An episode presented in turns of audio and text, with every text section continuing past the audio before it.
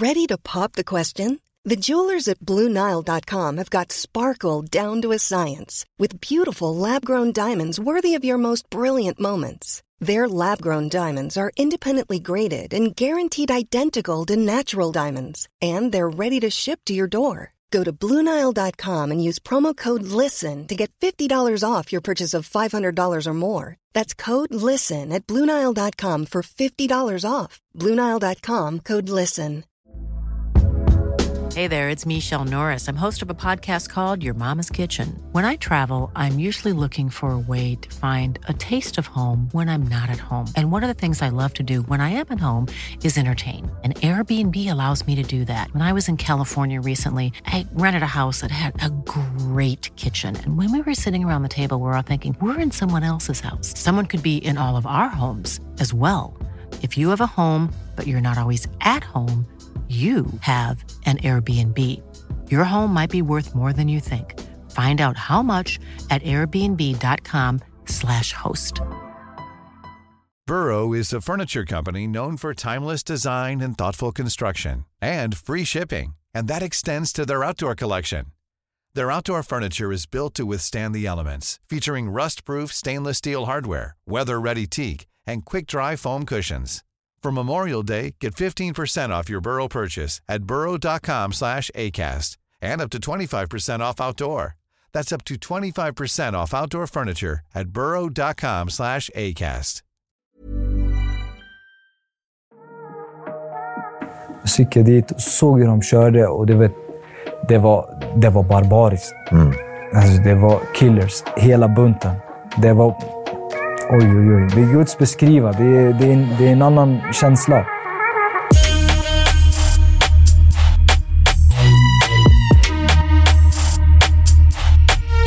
Hej på er och välkommen tillbaka till Dialogiskt. Mitt namn är Viktor och jag är som vanligt er host. Vi vill fortsätta med att säga att vi är tacksamma över att ni subscriber, delar, men framförallt tipsar era nära och kära om vår fantastiska kanal. Som sagt, ni är en del av vår livlina.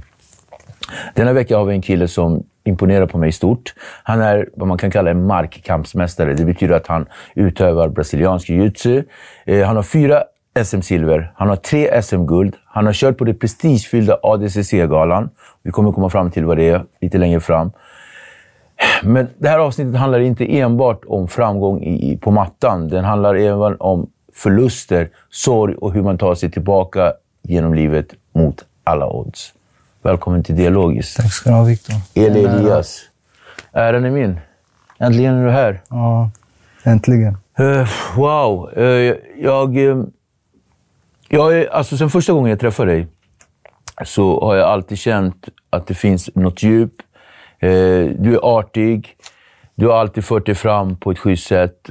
Och, och, sådär. och sen så när man kör ett fyspass med dig. Vi satt just och pratade om vårt fyspass för ett år sedan. Wow, alltså. Eh, jag, har, jag, har, jag ska inte ljuga, jag har bra kondis. Då kanske inte jag hade lika bra som jag nu. Men den gången, du var på en annan nivå. När du lånade mina handskar, kommer ihåg? Ja, det är det. Du räddade passet här. Jag hade inga handskar med mig. Så jag fick låna dina handskar då var det komplett. Jag bara, du kan sova gott om kvällen ikväll. Grappling. Mm.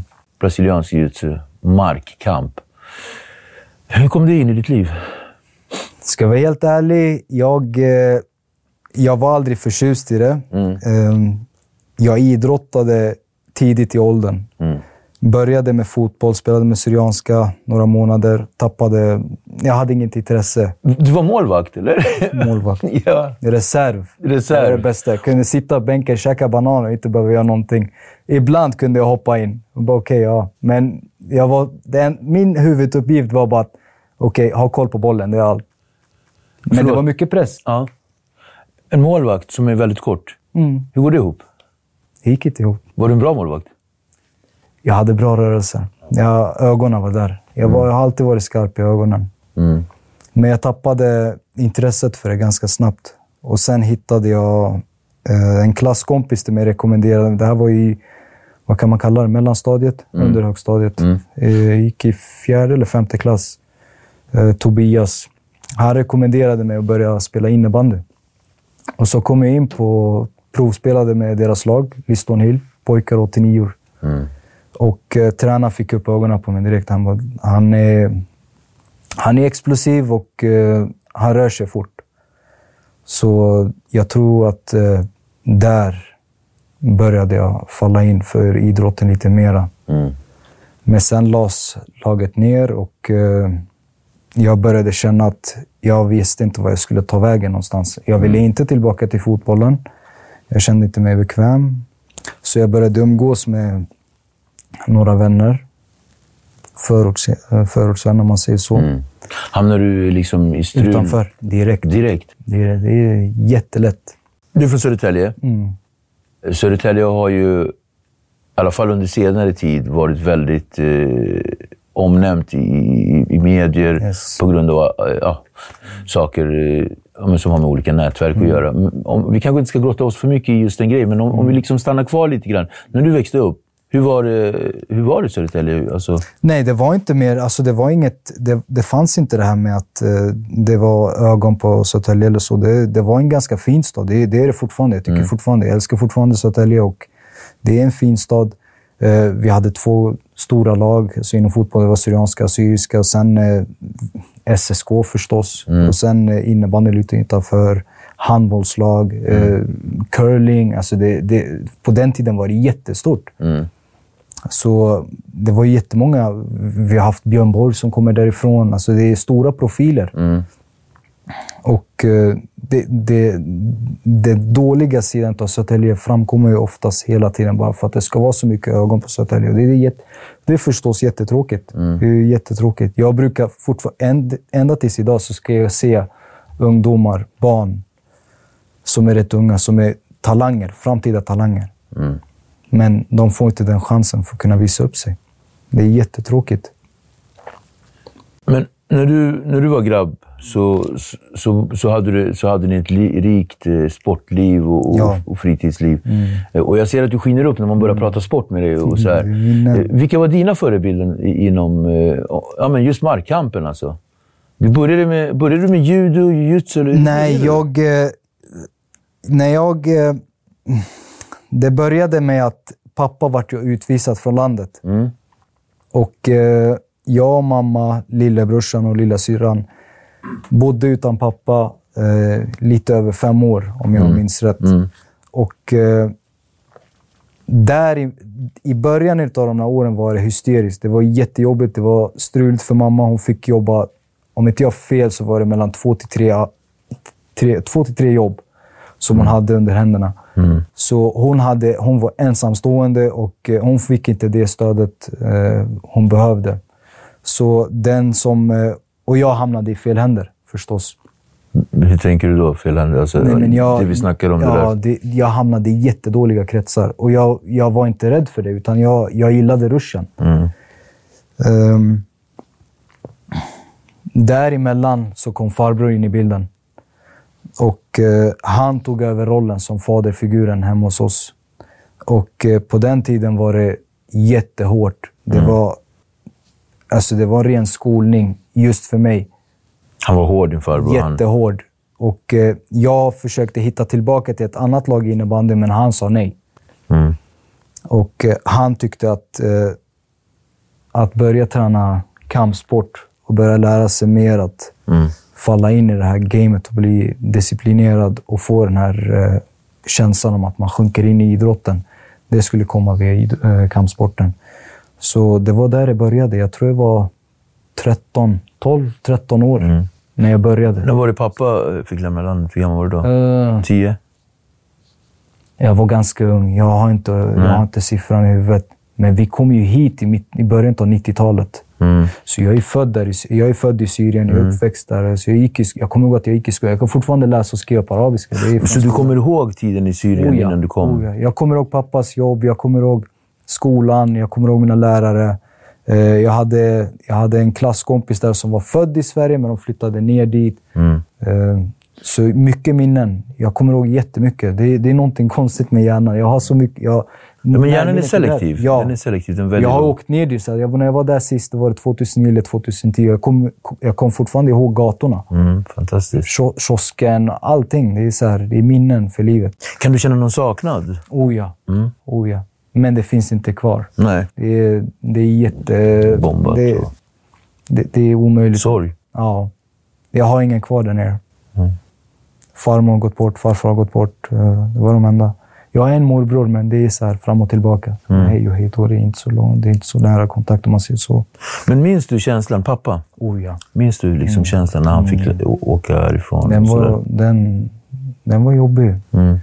Eh, Jag och min lillebror vi brukade prata om den. Och de värsta stunderna var när man skulle lämna flygplatsen i Damaskus. Mm. Och då kommer man till en viss gräns där pappa får inte följa med längre in till planet. Och då fick han stå bakom någon bås. Mm. Och, eh, den, var, den var jobbig. Det var inte roligt att landa när man kom ner, närmade Sverige eller Arlanda och så såg man skylten Sky City. Då visste man att ja, är man hemma och han är där nere. Han är där nere. Det var jobbigt. Men eh, jag såg alltid, vi såg alltid farbror som pappa. Mm. Det är hans lillebror. Tror du också att, att den här krävande rollen som han, som han tog, alltså att vara en krävande person, tror du att såklart lär det ju vara som... Men jag tänker hur du tänker. Jag, jag fattar hur jag tar det och tänker, men jag undrar om du uppfattar det likadant som mig? Som att han tog på sig sin egen brors ansvar och ville inte svika sin bror mot, mot alla... Mot alla eh, mot varje pris. Alltså, Ja, att det här måste fixas. Jag vet att det fanns en stund, eh, jag kommer inte ihåg när, när jag, jag, det här fick jag höra av eh, honom. Han sa om att eh, pappa ville att vi skulle leva vidare och gå vidare med våra liv. Och han skulle leva sitt liv där nere. För han var ganska framgångsrik i, i hemlandet. Han var ganska hög uppsatt inom militärtjänsten. Eh, han hade två stjärnor på axeln. Eh, jag tror han hade någon form av kommandörroll där, nere. Och eh, han kunde ju bara starta upp ett nytt liv där nere. Men eh, min farbror lovade honom att han kommer göra sitt yttersta bästa för att vara den, den figuren för oss, bara hålla oss ihop tills han kommer tillbaka. Och det, det höll. Det, det gjorde han. Han lovade honom och han höll det. Varför fick pappa inte komma?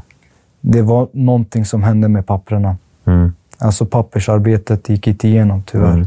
Jag vet inte om de fick, ta reda, fick reda på hans eh, Militär ja, historiska militär... Eh, Mm.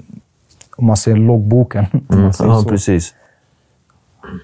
Men eh, ja, jag kommer fortfarande ihåg när beskedet kom och eh, för pappa var det ganska jobbigt. För oss allihopa förstås. Eh, Men eh, fem år var för mycket. Men han, var, han, var, han försvann ur, ur, ur våra liv, men Hur menar du fem Ja. år var för mycket? han, det, var, det, gick, det gick jättesegt. De fem åren? De fem åren gick jättesegt. Tills han kom? Ja, tills han kom- kunde komma tillbaka. Och, och när han kom tillbaka, då, hur, kändes det som att det hade gått så lång tid? Eller? Man vart inte överraskad. Nej. Eh, man vart inte överraskad när han kom tillbaka, utan det kändes som att han alltid var där. För vi hade ständig telefonkontakt. Ibland kunde man prata med honom och han, man kunde höra om han var deppig eller inte. Men han höll sig ganska sysselsatt. Eh, han jobbade massa där nere och allting. Eh, man vart inte överraskad, men det, det var en jättehärlig känsla om man säger så. Det, det är klart. Eh, jag fick se min farbror fälla tårar för första gången i hela mitt liv. Jag trodde aldrig jag skulle se det från honom. Han var min storebror tillbaka. Mm. Och pappa är äldst av allihop här. Mm. Berätta om mamma. Berätta lite om henne. Hon är den tuffaste kvinnan Ja. jag känner. Hon är fortfarande den tuffaste kvinnan jag känner. Jag och min lillebror hackar på henne fortfarande. Bara gör narr av henne. Hon tar ner det direkt, eller? Ja, hon, det, är, nej, det är en sån kärlek till henne. Mm. Hon fick gå igenom jättemycket. Jag gjorde det. Jag kommer ihåg att hon brukade åka buss, tåg med mig till sjukhuset när jag behövde vård. Allt möjligt. Det är så här minnen för livet. Eh, Hon var utbildad engelska lärare i hemlandet, så hon kunde inte så bra svenska, men hennes engelska var skarp. Mm. Så nej, hon, hon gick igenom jättemycket för att hålla ihop familjen. Och hon var så glad och eh, så stolt över att farbror fanns där. Hon var min farbrors engelska lärare Mm. I skolan i Syrien. Så Okej. det, jag tror jag kände för honom också, bara, jag måste hjälpa min Mm. storebrorsas fru. Ja, hon är en förebild. Hon är det. Fint. Grappling. Mm. Wow. Ja, Vilken sport? jag trodde aldrig det. Du trodde inte det? Nej. Berätta. Nej, nej. Jag, första passet med farbror, eh, det var faktiskt jag och min lillebror. Mm. Och då var det... Det var inte så stort. Och jag kunde inte låta bli, så skrattade jag och tänkte, vad är det för jävla pyjamasparty? Alltså, vad är det som händer? Och så gick han och... Vi åkte iväg till någon bud och butik i Södertälje, så köpte han två karatedräkter. Alltså det var karatedräkter. Och jag tänkte, okej, ja, ja, det var det. Mm. Så kom vi in till klubben. Och eh, min lillebror, han tappade smaken för på en gång. Han- Han pallade inte. Han var det så här gröna signaler från farbrorn. Bara, ah, du får göra vad du vill, det är ingen fara. han älskade honom för mycket också. Så han fick göra vad han ville. Men för mig var det tvärtom. Vad tror du det berodde på? Jag att vet ni inte, fick det var olika... press. Press. Var du mer... Ja. Han såg någon fara? Någon röd eh, flagg? Jag tror att han hade bra koll på vem mina tränare var innan från innebandyn och, Mm. Och i skolan också på idrotten. Så det, det finns ju säkert framgång i killen, men Mm. det är han, han måste bestämma sig. Mm. Så jag tror det är därför. Jag har haft kontakt med gamla vänner, alltså gamla tränare som har varit jättenära Fabbe, som jag inte visste om. Mm. Jag bara, jo, men Vi jag har haft snackade. kontakt ja, jättemycket. Mm. Speciellt om dig. Jag vet ju till exempel som eh, brottningstränaren Gerry Ström Mm. Allstars. Mm. Han var ganska nära honom. Och han var en av dem som sa till Farao din brorson kan bli någonting Mm. om han lägger ner tiden. Och jag tror det, där, det var där pressen kom. Tävlingarna då? Hur, hur, hur hamnade du in i den? Alltså, Valdo Zapata. Zapata, må vila i frid. Ja, Legend. verkligen. Han var min första... Eh, den, första den första personen som jag verkligen såg upp till. Som jag tänkte, oj, jag vill se ut så här. Mm. Jag vill ha den kroppen, jag vill ha de tatueringarna, jag vill ha den tekniken. Och jag vill vara så här glad. Hela tiden. Varje träning. Han var grym, va? Han var jätteduktig. Och eh, det första han sa till mig var det kommer upp en tävling snart. Jag kommer inte ihåg om det var i, i Norrköping eller Nyköping. Någon av dem var det. Du ska få köra där. Tävlingen hette Copa, Copa, Bran- Copa Branca, hette det, tror jag det var. Åker dit, anmäler mig. Bara vitbältare, eller? Mm. och då är man anmäld för fyra matcher. Och jag, fick, jag var totalt dominerad. Alltså jag fick så mycket stryk. Alla fyra matcher. Jag bröts ner ordentligt. Och jag bara tänkte, det här är jättefel. Det, det här funkar inte. Jag gick in till omklädningsrummet, grät. Jag mådde inget bra. Så sa jag till farbror att det här är inte kul. Han bara, men det är nu du lär dig. Alla misstagen du gör nu, de kommer du inte göra om nästa gång. Nej. Innerst inne så trodde jag inte honom. Jag bara tänkte, okej, jag går hem och käkar choklad nu, eller? Och sen var jag tillbaka på träningen. Tävlade en till deltävling. Gick inte som det ville. Mm. Men sen hände någonting därifrån. Vad som hände? Efter andra tävlingen. Jag, eh, jag slutade le. Jag slutade vara positiv på något sätt. Jag, försökte, jag hittade någonting i Så du tog bort den här Valdo Allt? Allt. Allt. Och så tänkte jag så här, varenda sparringspartner till mig är min fiende. Mm. Jag ska bara vinna. Jag ska bara vinna. Och då tyckte att Valdo att jag hade en ganska aggressiv stil som inte gynnade poängsystemet. Och, eh, Han tyckte det? Ja, han tyckte att det var för mycket rörelser. Att jag rushade för mycket. Och det, på något sätt så visste jag att det funkade, för att det hetsade upp motståndet. Mm. De var inte beredda på rörelserna. Mm. Och jag tävlade utan att han gav mig något godkännande för det. Och eh, då vann jag alla mina fyra. Och Du jag vann var alla dina fyra? Jag var superglad. Jag sa det till farbror. Han var hemma och käkade pizza då. Jag bara, jag vann alla fyra. Mm. Han bara, okej, men du vet att han inte är glad. Jag bara, men vad ska jag göra? Han bara, jag kan prata med honom. Det är ingen fara. Sen sjönk kommunikationen mellan mig och Valdo lite mindre. Mm. Och eh, jag fortsatte. Jag fick ju träna och så här. Men eh, när det var sparring och så, då ville han helst att jag skulle vara utanför. Okej. Så det blev... Det, det blev jättestelt. Var det någon prestigegrej, Ja, tror du? jag Eller? tror det. Jag, jag tror det. Men jag, jag har aldrig pratat med honom om det, för jag var så pass ung. Och jag hade den respekten för honom. I slutändan så är han min tränare. Jag kan inte säga någonting till honom. Jag kan inte göra det. Det är han som har... Jag tänkte fråga just den, den, den grejen. Eh, eh, tränare och, eh, och, och, och student och elev, Mm. eh, prospect. Eh, har du, finns det några gyllene regler som är outtalade eller talade? Som man Du ska alltid visa respekt till tränaren. Oavsett vem du är eller vem, vad, du, vad du sitter på, vad, vad, vad du har för makt eller vad det är. Det spelar ingen roll vem du är. Mm. Är du där du tränar och så har du en person som har koll på allihopa, då är det den personen du ska lyssna på. För är han en fin dina, grej. Det, det, han är dina ögon i nacken. Mm. Och så var det för mig också. Om Valdo kunde säga till mig, du tränar inte idag, då, då tränar jag inte idag. Visst, jag kunde må skit. Jag mådde jättedåligt. Mm. Jag kunde känna en viss hat och svek. Men innerst inne så tänkte jag så här, det finns en mening bakom det. Men jag tänkte inte så i de, just i den åldern. Den åldern, då tänkte jag, fan han är dum i huvudet. Mm. Jag, vill, jag gillar inte honom. Men nu när man är lite äldre så då tänker jag så här, det var fint. Dialogiskt vill säga tack till en av våra sponsorer, Kejsar.se. Exklusiva smycken för män. Men, men Eli, du, du, du, du, du tog dina fyra SM-silver och, och, och tre SM-guld.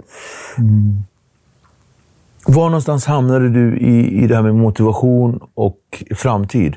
Kände du att det här är det jag ska hålla på med? Och, eller var det bara... Det började med, jag tror, det, det, var, en, det var en sommar. Eh, då skulle jag träffa farbror eh, i kafetratten i Södertälje. Och eh, då satt han med en person där. Jag visste inte vem den här personen var. Och han skulle presentera mig för honom. Och eh, ja, det var en gubbe. Han såg lite krallig ut. Jag hade ingen aning vem han var, eller vem, vad han var kapabel till. Och så säger han, eh, det här är Rickard. Det är en bra vän till mig. En god vän till mig. Då sa jag, okej, hej, Eli. Ja, och så kände jag bara, skakade hand, det var tryck. Det var tryck, ja. Inga blomkålsöron, ingenting. En vanlig så här, Svensson-gubbe. Mm. Och såg bra ut. Sitter där och så säger han att eh, ja, men eh, farbror säger att du gillar att träna submission wrestling och brasiliansk jitsu. Är du duktig på det? Jag, bara, jag vet inte, men det, det går framåt i alla fall. Han bara, hur är tränaren? Jag bara, han är bäst. Han bara, jag tror inte ens du har någon chans över honom. Han bara, ah, okej. Och då skrattade farbror. Jag bara, Vad skrattar du åt? Han bara, nej det är ingenting. Mm. Sen kom han till punkten, kollade mig rakt i ögonen och så sa han så här, det är måndag nästa vecka. Mm. Eller om det var, om det var måndag eller onsdag, jag kommer inte ihåg. Det var någon dag, måndag eller onsdag. Då vill jag att du tar med dig ett par shorts, t-shirt, handduk och ombyte. Och så åker du till den här adressen. Och det är klubben Hilti Hilti. Bi. Okej, så började köra på Hilti. Och då ska du prata med en viss person där som kommer vänta på dig. Den personen heter Altan. Så han kommer vänta på dig. Så var där i tid. Helst tio minuter innan. Och sa jag okej. Det var inget mer om det. Så tog jag bild med honom. Hur länge sedan är det här? Vad är det? Det jättelänge. Sju år sedan? Ja, mer än så kanske. Mer, va? Eh, sa ingenting till Valdo. Jag sa till farbror, ska jag säga till Valdo att jag ska till Hilti? Han bara, jag kände inte till Hilti.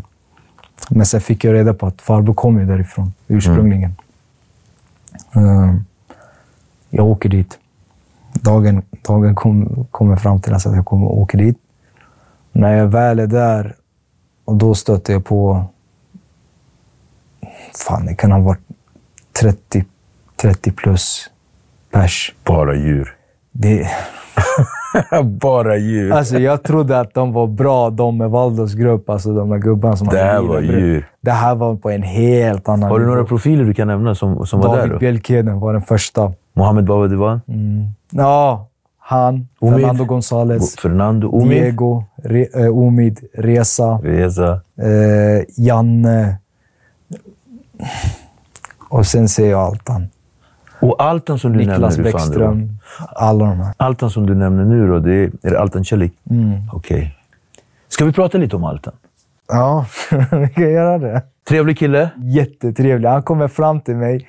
Jag såg ut som en skolpojke. Jag bara, jag hamnar fel. Alltså, det, här är inte, det här är inte normalt. Jag ser att mattan är en pool. Mm. Och de har precis börjat värma upp. Jag kom dit för sent också. Jag, ville, jag var jättenervös. Du vart nervös, va? För jag hörde smällarna och allting. Mm. Och då kommer Altan, tar skyddet i munnen. Han bara, är det du som är Eli? Jag bara, ja. Han bara, ska du, ska du byta om? Jag bara, nej, jag tänkte bara titta på. Min farbror skickade hit mig. Han bara, titta på och sen kan du träna nästa gång.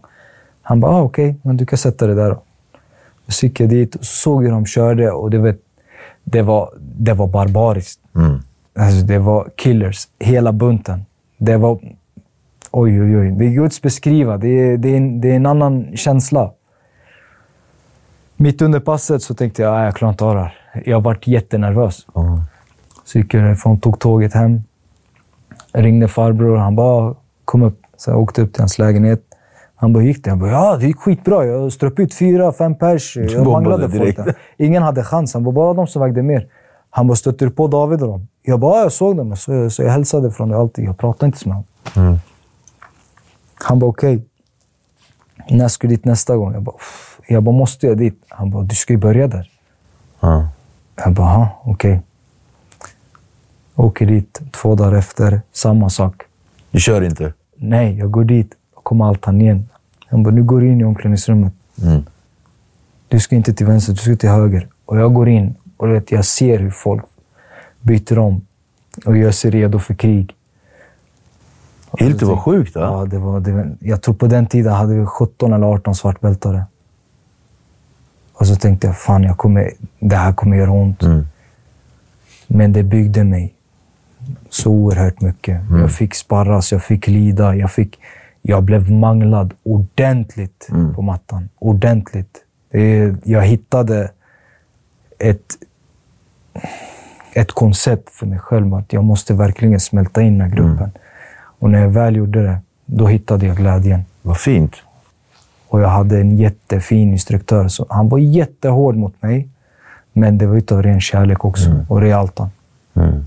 Och Altan har vi ju, han, han coachar eh, fortfarande.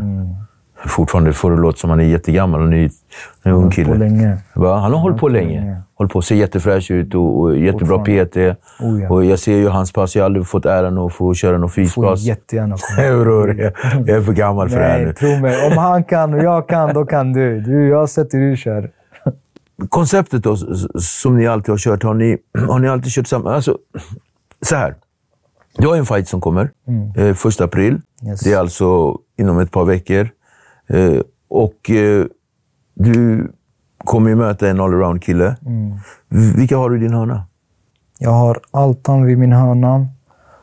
Sen har jag Jaffet, min boxningstränare. Jättefin vän Icke att förringa. Duktig boxning. Mycket, extremt Mycket bra. Preciserad och Oh, ja. ja. glad kille också. Jättepositiv. Mm. Han kan verkligen dämpa ner mina nerver om man säger så. Så det är de två. Mm. De står mig jättenära. Och hur känner du inför? Känns bra. Känns bra. Du är i form. Ja. Är jag ledig från jobbet, då är det fyra pass om dagen. Mm. Jobbar jag, så ett eftermiddagspass, då är det två pass om dagen. tar jag jobbet. Men sen är det, det jag lyssnar mycket på kroppen också. Mm. Altan har ju sa det för eh, några månader sedan. Jag tror du är den enda jag behöver verkligen säga till att du behöver vilodagar. Mm. Det, det är högintensivt hela tiden. Viktigt med vila. Ja. Jag har börjat planera in det mer och mer nu Mm. för tiden. Jättebra. Eh, Alltså, I det här så krävs ett psyke. Mm. Man måste ha ett psyke både i framgång och i, i defeat, Mm. så att säga. Eh, personliga trauman då, utanför eh, genom, genom åren. Jag, eh, din farbror Ja. gick bort. Ja.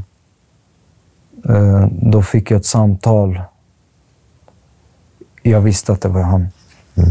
Så när jag åker till, eh, ja, till platsen, då får jag ett till samtal. Och Den här gången var det från Altan. Och eh, det första han säger till mig är att jag vet vad som har skett. Jag vill att du fortfarande kommer in till träningen. Jag vill inte ha det där uppe. Jag vet inte varför. Tills idag så är det frågetecken i huvudet hur jag kunde göra det.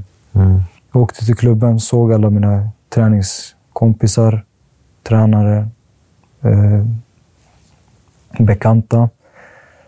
De stod och väntade på mig och så höll de mig tyst minut. Och eh, då var det en bild på honom. Han var... Det var en minnesstund för honom, eller det var en sån tyst minut för honom att de skulle kämpa sig upp. Och eh, då kom Altan och kramade om mig och sa att eh, nu kör vi. Okej? Och Det var ett jättebra träningspass. Det fick mig på andra tankar. Jag behövde det verkligen. Och sen, ja, dagen efter var man på sjukhuset. Eh, ibland var det bra dagar, ibland var det dåliga dagar. Ibland var det bra dagar, ibland dåliga dagar. Det, det svajade fram och tillbaka. Men sen kom dagen där eh, det gick ut att göra mer. Jag beklagar din förlust, Eli. Broder, varsågod. Därför. Jag gillar inte att gå till hans grav. Jag brukar göra det innan matcherna. Bara för att säga okej, den där. nu, nu kör vi igen. Du med mig. Värdelös coach, men det var bara bra att ha honom där. Han var värdelös coach. Ja, Mm. Vadå, han bara skrek typ? ja. Men det var ändå en trygghet. Man kände att man hade ett lejon bakom ryggen. Mm. Elias, vi vet ju också att en av dina tidigaste, eh, största förluster är när din barndomsvän, bästa kompis, kan man säga så? Mm. Tobias, Tobias. saxmordet Mm. I Hosjö. i Hovsjö, ja. Jag tror jag gick i fyran eller femman. Mm. Någonstans mellanstadiet. Vi hände där? brukade promenera till skolan. Mm. Promenera tillsammans. Det var jag, han och en tredje person, Tommy. Mm. Jag bodde en, fem minuter ifrån dem. Mm. De bodde lite längre ner till radhusen, så de fortsatte promenera vidare. Och den eftermiddagen, eh, då hörde man det till en helikopter. Eh, Det var mycket polis. Mm. Så vi bestämde oss för att gå ner. Och vi såg att de bar in ett kropp med som, är, som var täckt i en, i en skåpbil. Vi visste inte vem, men jag kände igen skorna. Var någonstans då? I, i, i skolhallen? Eller? Nej, det här var precis på vägen hem till... eh, Det var några meter ifrån dem. Okej. Vid någon sandlåda. Okej, ja. Jag tänker skorna. Alltså, du, vi kom dit, vi kom dit ganska fort. mm. Ehm, Då hade de redan lyft upp honom och satt honom på ja, vagn eller vad man kan kalla det för. Jag kände igen skorna, men jag tänkte inte på honom. Tänkte det var populärt att alla hade Reebok Mm. på den tiden. Men eh, sen spred det sig. Det, det, vi fick ju en massa poliser till skolan. Eh, vi brukade... ehm, de gick igenom allt inom skolan, speciellt klassrummet. Vi hade 20 saxar, eller 10 saxar. Så vi brukade samla eh, en sån här liten eh, träskiva. Okej. Och då saknades en sax där. Men var det som hade... Ingen visste. Ingen vet vad som hade hänt? Ingen visste någonting. Än idag? Nej, sen kom det fram. Okej. Så det, det vi fick höra det var att den tredje partnern, Tommy, han hade ju sagt om att det var någon galen person som hade huggit Tommy i huvudet och sen försökt kapa hans fingrar. Mm. Så vi vart ju livrädda när vi gick ut på, alltså efter skolan. Så vi ville ju bara hem. Vilken klass gick ni i? Femman, sexan? Fyran eller femman. Mellanstadiet. Eller Så, det. det var små barn. I. Jättesmå. Ja. Men sen var det ganska tyst om det. Det gick ju nästan ett år och så. Sen kom det fram. Om att Tommy har hamnat på något hem och ja, att det var Tobias som hade gått bort och Okej, så Tommy... ihjäl Tobias. Okej. Varför? Ingen aning. De var bästa vänner. Jag tror de två var ännu närmare än vad jag var Tobias. Jag och Tobias spelade bara tillsammans på innebandy. Hur påverkar det här dig? Inte mycket. Inte? Nej. Nej. Det- Man är så pass ung, man vet ju inte vad som händer. Längre fram i livet kanske? eller? Då. Ja. Då. Och bortgångarna, alltså förlusten i ditt liv är ju flera. Eh, Under, under den här perioden blev du tillsammans med en tjej.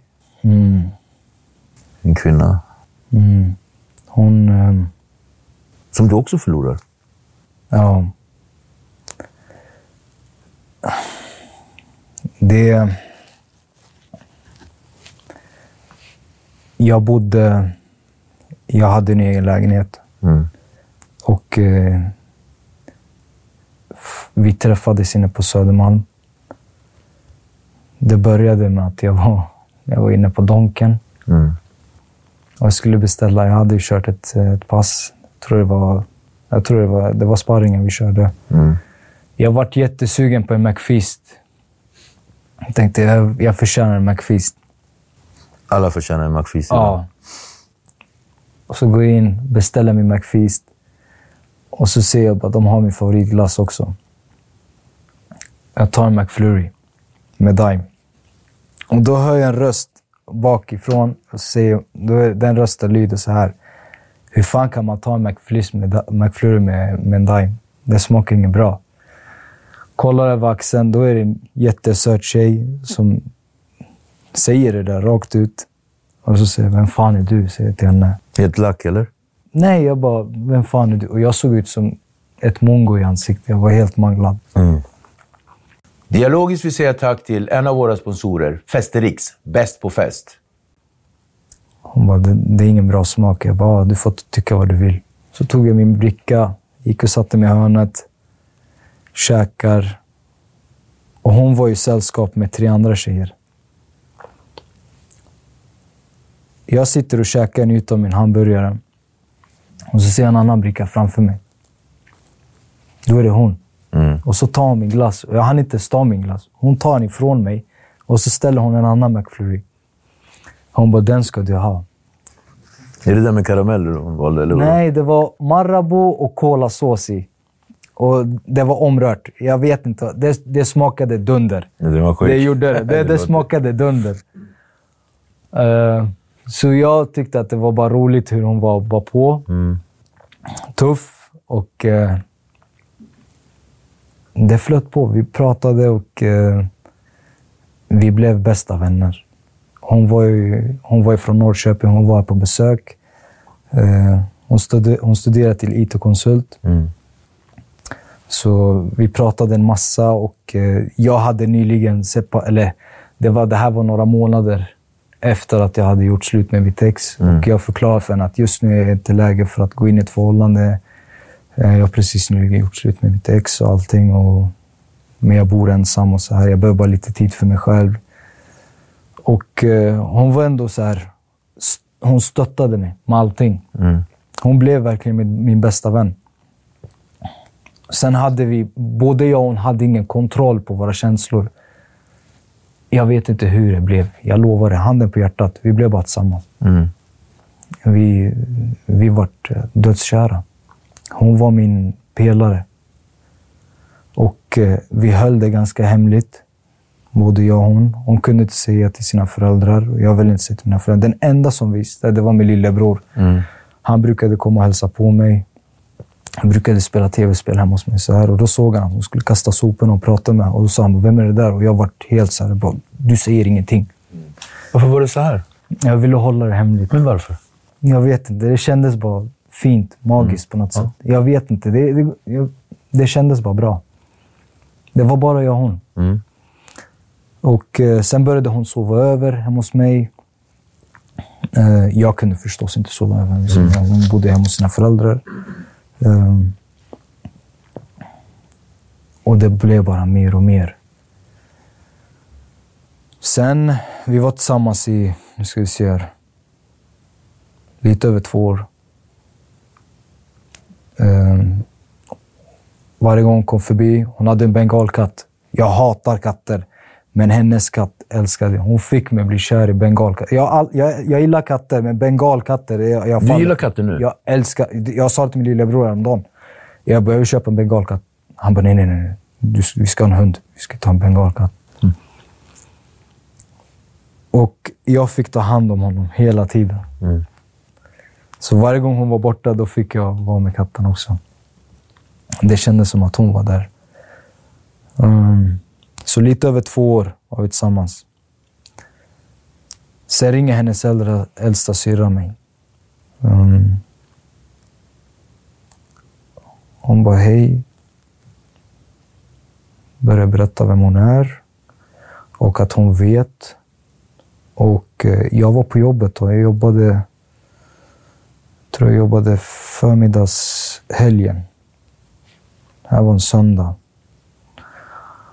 Och så säger hon att eh, det, det angår Melissa. Och då sa jag, jag vet vad du pratar om. Jag försökte fortfarande slingra ut det. Och då säger hon att eh, jag tror att hon skulle verkligen uppskatta det om du kunde komma hit. Och då tänkte jag så här, är det dags att träffa familjen? Mm. Jag fattar. Och så får jag adressen och då ser jag till, eh, då ser jag till sjukhuset i Norrköping. Så jag åker dit. Jag vet inte vad som sker. Det, börjar, det är tusen tankar i huvudet. Jag tänker så här, fan, hon kanske är gravid. Jag, jag vet inte. Så jag åker dit och då träffar jag hennes eh, äldsta syrra. Det är tre syskon. Hon var yngst. Mm. Och så säger hon att eh, hon, eh, hon ligger i koma. Och där... Jag hade inga ord som kunde komma fram. Jag visste inte vad jag skulle säga. Och jag kunde inte ens uttrycka mina känslor, för jag ville fortfarande inte visa hennes föräldrar. Mm. Så jag gick ju till, jag tror det var till apoteket och bara stod där helt för mig själv. Jag visste inte hur jag skulle bete mig. Så jag var jättevilsen. Vad var det som hade hänt? Hon hade fått en, eh, en propp i stammen till lillhjärnan. En av artärerna som... Bara. Nej, alltså hon, det kom inget blod. Mm. Det vart ingen flöde. Det här hände under arbetstid. Hon föll ju ner från stolen. Eh, när, när de anlände till sjukan, då var det operation på en gång. Mm. Så de snittade ett ingångshål i bakskallen på henne för att tömma svullnaden. Och eh, när de väl gör det, då hamnade hon i koma. Vilket var vanligtvis enligt överläkaren, när man fick höra honom prata. Um, så två dagar fick hon spendera på avdelning 3A. Det är, en avdelning för just de som är ja, halvborta, om man säger så. Mm. Dag tre. Eh, jag spenderade en vecka där på sjukhuset. Dag tre vaknade hon upp. Eh, allting ser bra ut. Eh, jag fick inte träffa henne. Men hennes äldsta syrra hade pratat med föräldrarna och sagt att det här är en jättenära vän till, till henne och de Mm. pluggar tillsammans och allting. Så när jag kommer dit och träffar hennes föräldrar, hennes mamma bara, ah, vad kul, ni pluggar tillsammans och allting. Och jag, jag visste ingenting. Jag bara, ah, jag pluggar, ja visst. Sen ser jag henne och eh, jag fick äran att spendera de timmarna med henne helt ensam. Och eh, hon begärde efter en madrass som skulle ligga bredvid. Så tog hon in sina föräldrar och förklarade för dem Mm. hur situationen såg ut. Och eh, hur länge vi har dejtat. Och hon la allting Mm. ut på bordet om man säger så. Hon la ut allting. Och jag var knäpptyst. Jag var fortfarande inne i den här trauman. För hon räddade mig ur den situationen när min farbror gick bort. Jag mådde jättebra. Alltså, visst, när farbror gick bort, jag, Jag förstår. jag kaosade. Mm. Det gick bra på träning och så, men jag visste att innerst inne, det var så mycket hat. Jag, jag, jag sprack ju inifrån. Mm. Hon hjälpte mig ur det där. Hon drog mig ur mörkret. Hon var ljuset. Mm. Och nu är jag där igen. Medan hon svajar mellan liv och död.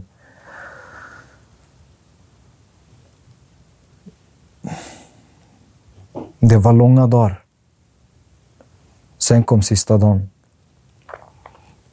Då ville hon att... eh, hon var ju sugen på en eh, Festis. Cactus lime. Mm. Jag åkte ner för att köpa det här, eh, drickan. Fanns i Pressbyrån där nere. Så jag tar hissen ner, köper den, ska ta hissen upp igen. Då ser jag att det är upptaget. Den hade åkt iväg. Mm. Så jag tänkte, ja men jag tar trapporna. Tar trapporna upp och då ser jag att det är energifullt i hallen. Det brukar inte vara så. Det är jättelugnt i de där hallarna. Och då är det narkosläkare, överläkaren Håkan, eh, eller Hasse, Hans eller Håkan, något sånt hette han. Eh, sen var de där två sköterskorna som var med henne hela tiden. Och eh, jag hörde ett skrik. Och eh, det var från mamman. Så när jag går till höger, sen ska man ta höger igen till rummet, då ser jag att pappan ligger på, på golvet, helt platt. Han svimmat eller? Ja. Och jag kunde inte gå in. Mm. Av känslan du fick inte? Mm, Jag kunde inte gå in. Vad var det som hade hänt då?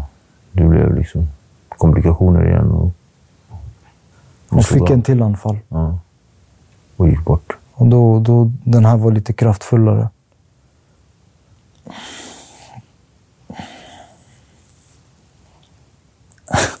Det är... Nej, det.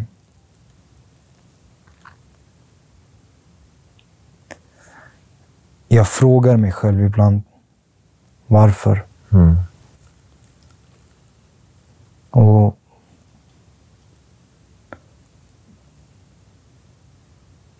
Elias, det är hat. läker tiden alla sår? Ja. Gör det? Alltså det tar tid och vi lever inte länge. Man brukar säga så här, vi som kommer från kampsportsvärlden. När du är 25 till 37, 38 där ish, då är du i din prime. Mm. Jag skulle aldrig klara av den här pressen om inte jag var i min prime. Aldrig.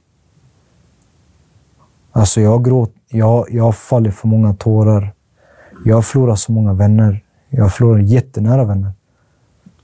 Men det här, det var det värsta. Det är ingen som toppar det. Mm. För jag förlorade den enda personen som såg mig som, som betydde allt för henne. Mm. Och hon betydde allt för mig. Ta inte det här fel, men jag lovar dig. Jag sa till läkaren flera om det finns något sätt som ni behöver ta mig, om ni behöver plocka någon kroppsdel, vad som helst. Jag är här. Det är den finaste människan jag har haft i mitt liv. Hon var... Återhämtningen då? Hur, hur har du tagit hand om dig själv? Liksom, att komma? Jag låste mig. Ja. För det här är hur länge sedan? Det är 2000? Nu i sommar, då har det gått... Nu har det gått två år och tre månader. Okej. Det är ju trauma på trauma. Mm. Jag tänker det. Jag låste mig ganska hårt. Jag tror min lillebror var mest på mig om att försöka flytta hem till föräldrarna igen. Han såg att jag inte mådde bra när jag bodde hem, alltså ensam hemma. Men den värsta smällen, Mm. den värsta smällen när jag verkligen kände att hon är borta, det var, det var inte just där och då. Jag kunde inte ens närvara på hennes begravning, för jag vågade inte. Hur kommer det sig? Jag var livrädd. Känslorna? Jag var jätterädd. Jag var jätteskraj. Jag kunde inte höra rösterna. Jag kunde inte se människorna. Jag vägrade att se kistan gå ner. Jag vägrade. Jag ville ha kvar den bilden av henne i huvudet.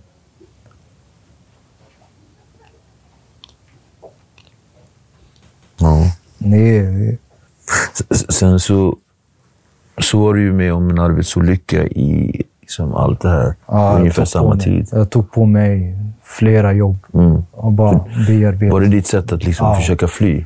Träna. Funkar det då? Det gjorde det. Alltså, Jag, jag kom tillbaka. Jag hittade mig själv igen. Ehm, Var är du någonstans i dig själv idag? jag är på en mycket bättre plats. Jag är det verkligen. Kan du se de här förlusterna på ett sätt som inte bara är fullt av eh, negativ sorg? Eller negativ sorg. Du fattar. Jag har träffat folk som har sagt olika till mig. Om att det är ett test. Mm.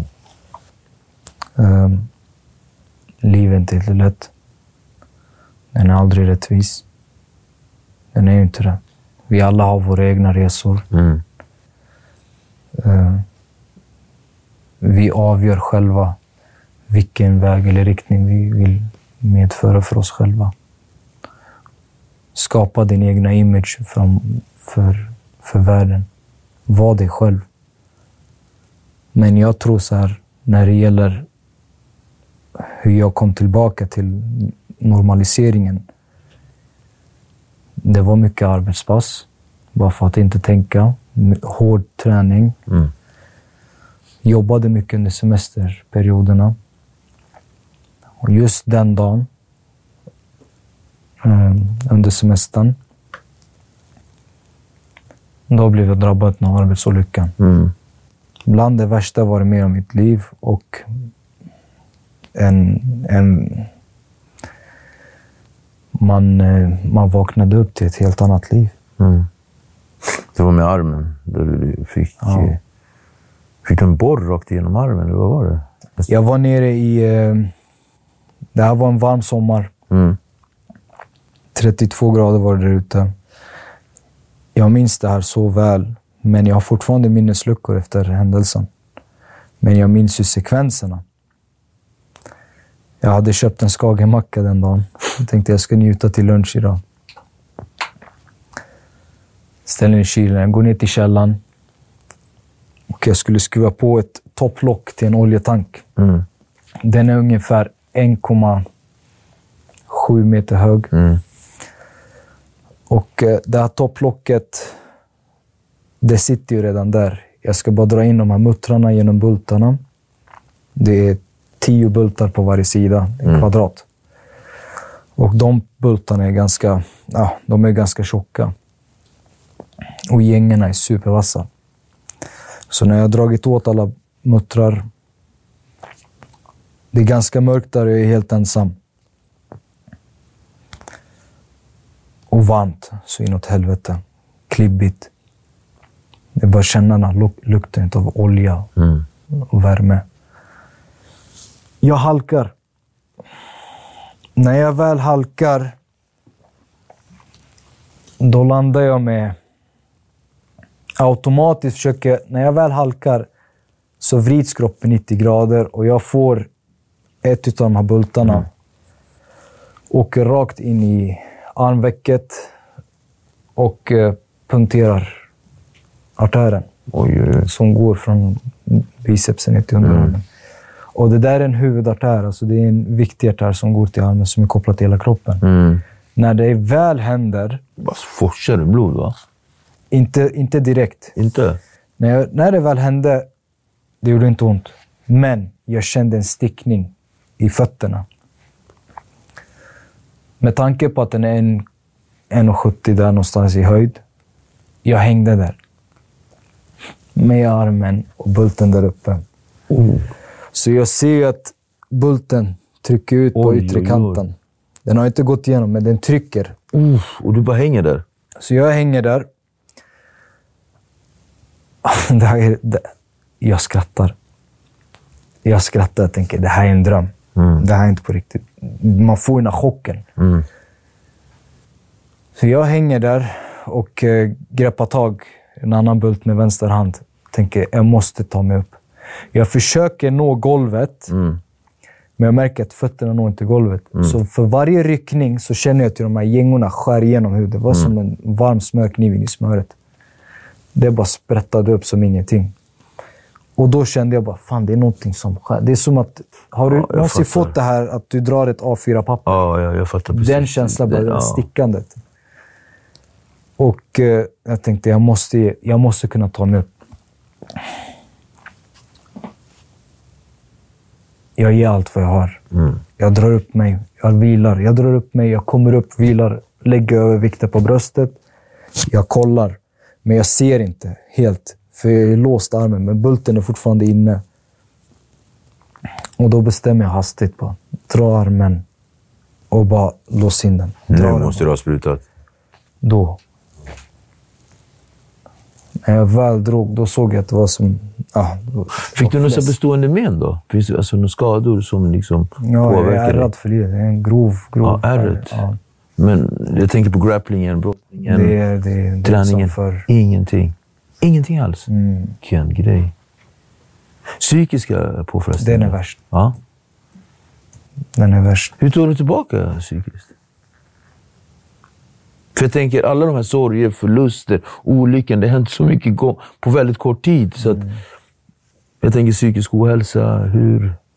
Är det träningen som Det fått dig tillbaka? träning. Det är träningen. Vad gör du när träningen tar slut då? För någon dag, förhoppningsvis inte snart, så kommer ju träningen. Det är det jag är rädd för. Ja. Knacka, knacka, ta i trä, men jag tänker långvariga skador kan ju också påverka. Kan du inte träna på länge. nej, exakt. Vad tar du vägen, förutom i träningen, när du behöver återhämta dig känslomässigt, psykiskt och fysiskt? Jag har ganska fina människor runt om mig. Och, eh, Relationen alltså. De vill ju mig väl. Mm. Så jag har en massa vägar som jag kan ta. Eh, Jag börjar acceptera att jag är inte den jag är. När jag väl som var aktivast i MMA till exempel. Som amatör till exempel. Då gick jag 27 matcher. Noll förluster på det. Mm. Jag tävlade varje vecka. Varje vecka. Det är en helt annan mindset. Mm. Jag har inte det i mig som förr. Det är, Ja, tiden. men det är, Ja, tiden förändras och man förändras. Och jag vill också säga att en sorg, karaktären förändras också Oh ja. i sorgen. Den kan Oh ja. liksom, sorgen byter karaktär också, tänker jag. Just där i källan, Ja. just där i källan när det väl hände. Mm. Jag tänkte mycket på farbror. Mm. Jag hittade en absorberingsmatta. Mm. Den var oljeskitig. Tryckte in den i armen bara för att stoppa blödningen.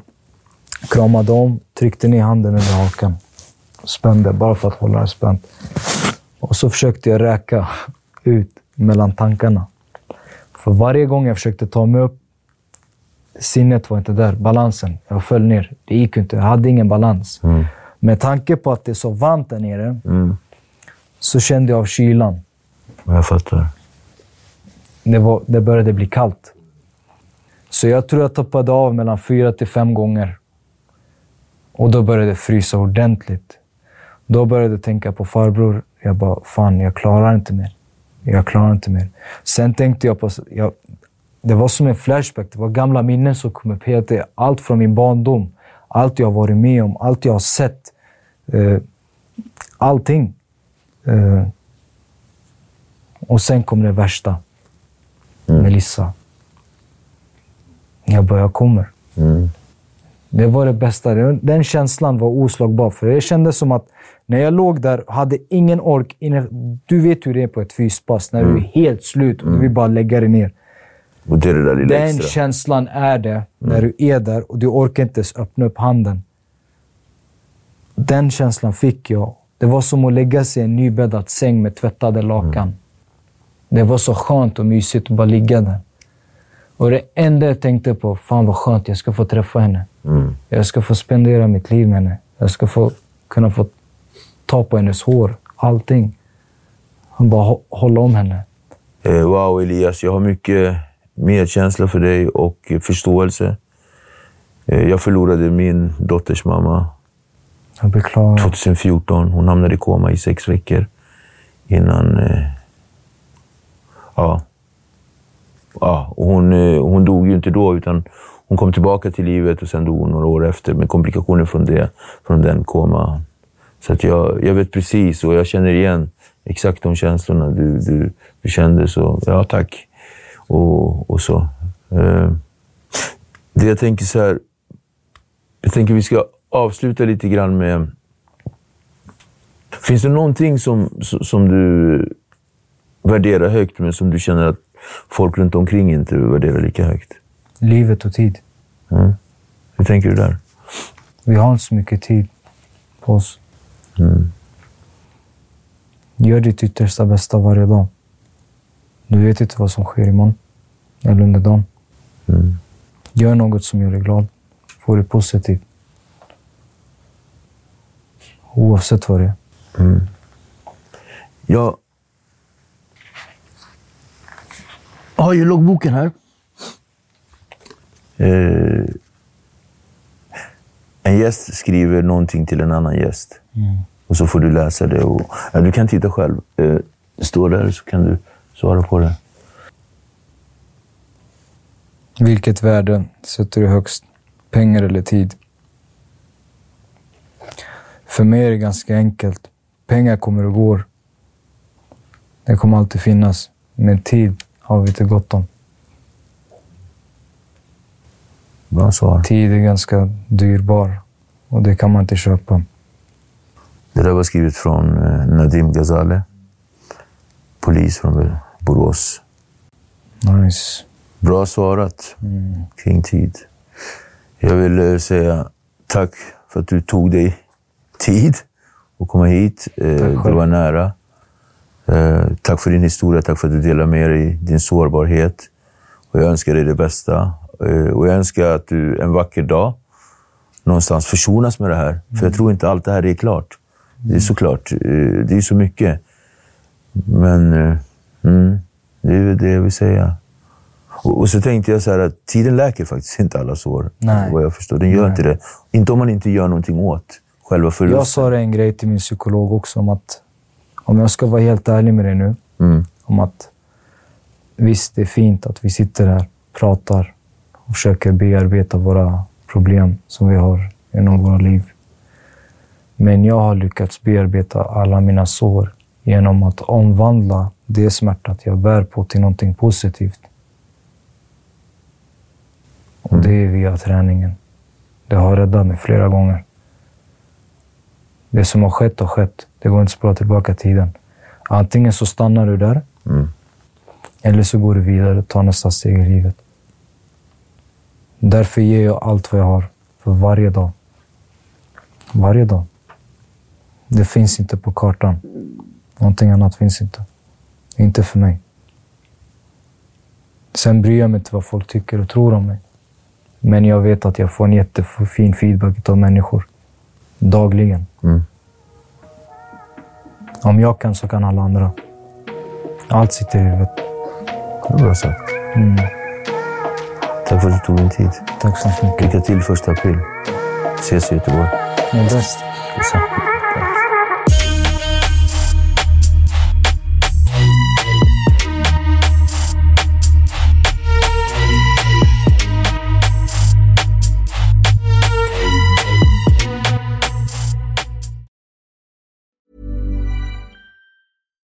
If you're looking for plump lips that last, you need to know about Juvederm lip fillers. With Juvederm Volbella XC and Juvederm Ultra XC, your lip look, whether it's subtle or bold, can last up to one full year with optimal treatment and no additional maintenance. Find a licensed specialist and see if it's right for you at juvederm.com today. That's J U V E D E R M.com. Add fullness to lips in adults over 21 with Juvederm Volbella XC or Juvederm Ultra XC. Do not use if you have severe allergies or a history of severe allergic reactions, or if you're allergic to lidocaine or the proteins used in Juvederm. Tell your doctor if you have a history of scarring or taking medicines that decrease the body's immune response or that can prolong bleeding. Common side effects include injection site redness, swelling, pain, tenderness, firmness, lumps, bumps, bruising, discoloration, or itching. As with all fillers, there's a rare risk of unintentional injection into a blood vessel, which can cause vision abnormalities, blindness, stroke, temporary scabs, or scarring. For full important safety information, visit juvederm.com.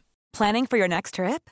Elevate your travel style with Quince. Quince has all the jet setting essentials you'll want for your next getaway, like European linen, premium luggage options, buttery soft Italian leather bags, and so much more. And is all priced at 50 to 80% less than similar brands.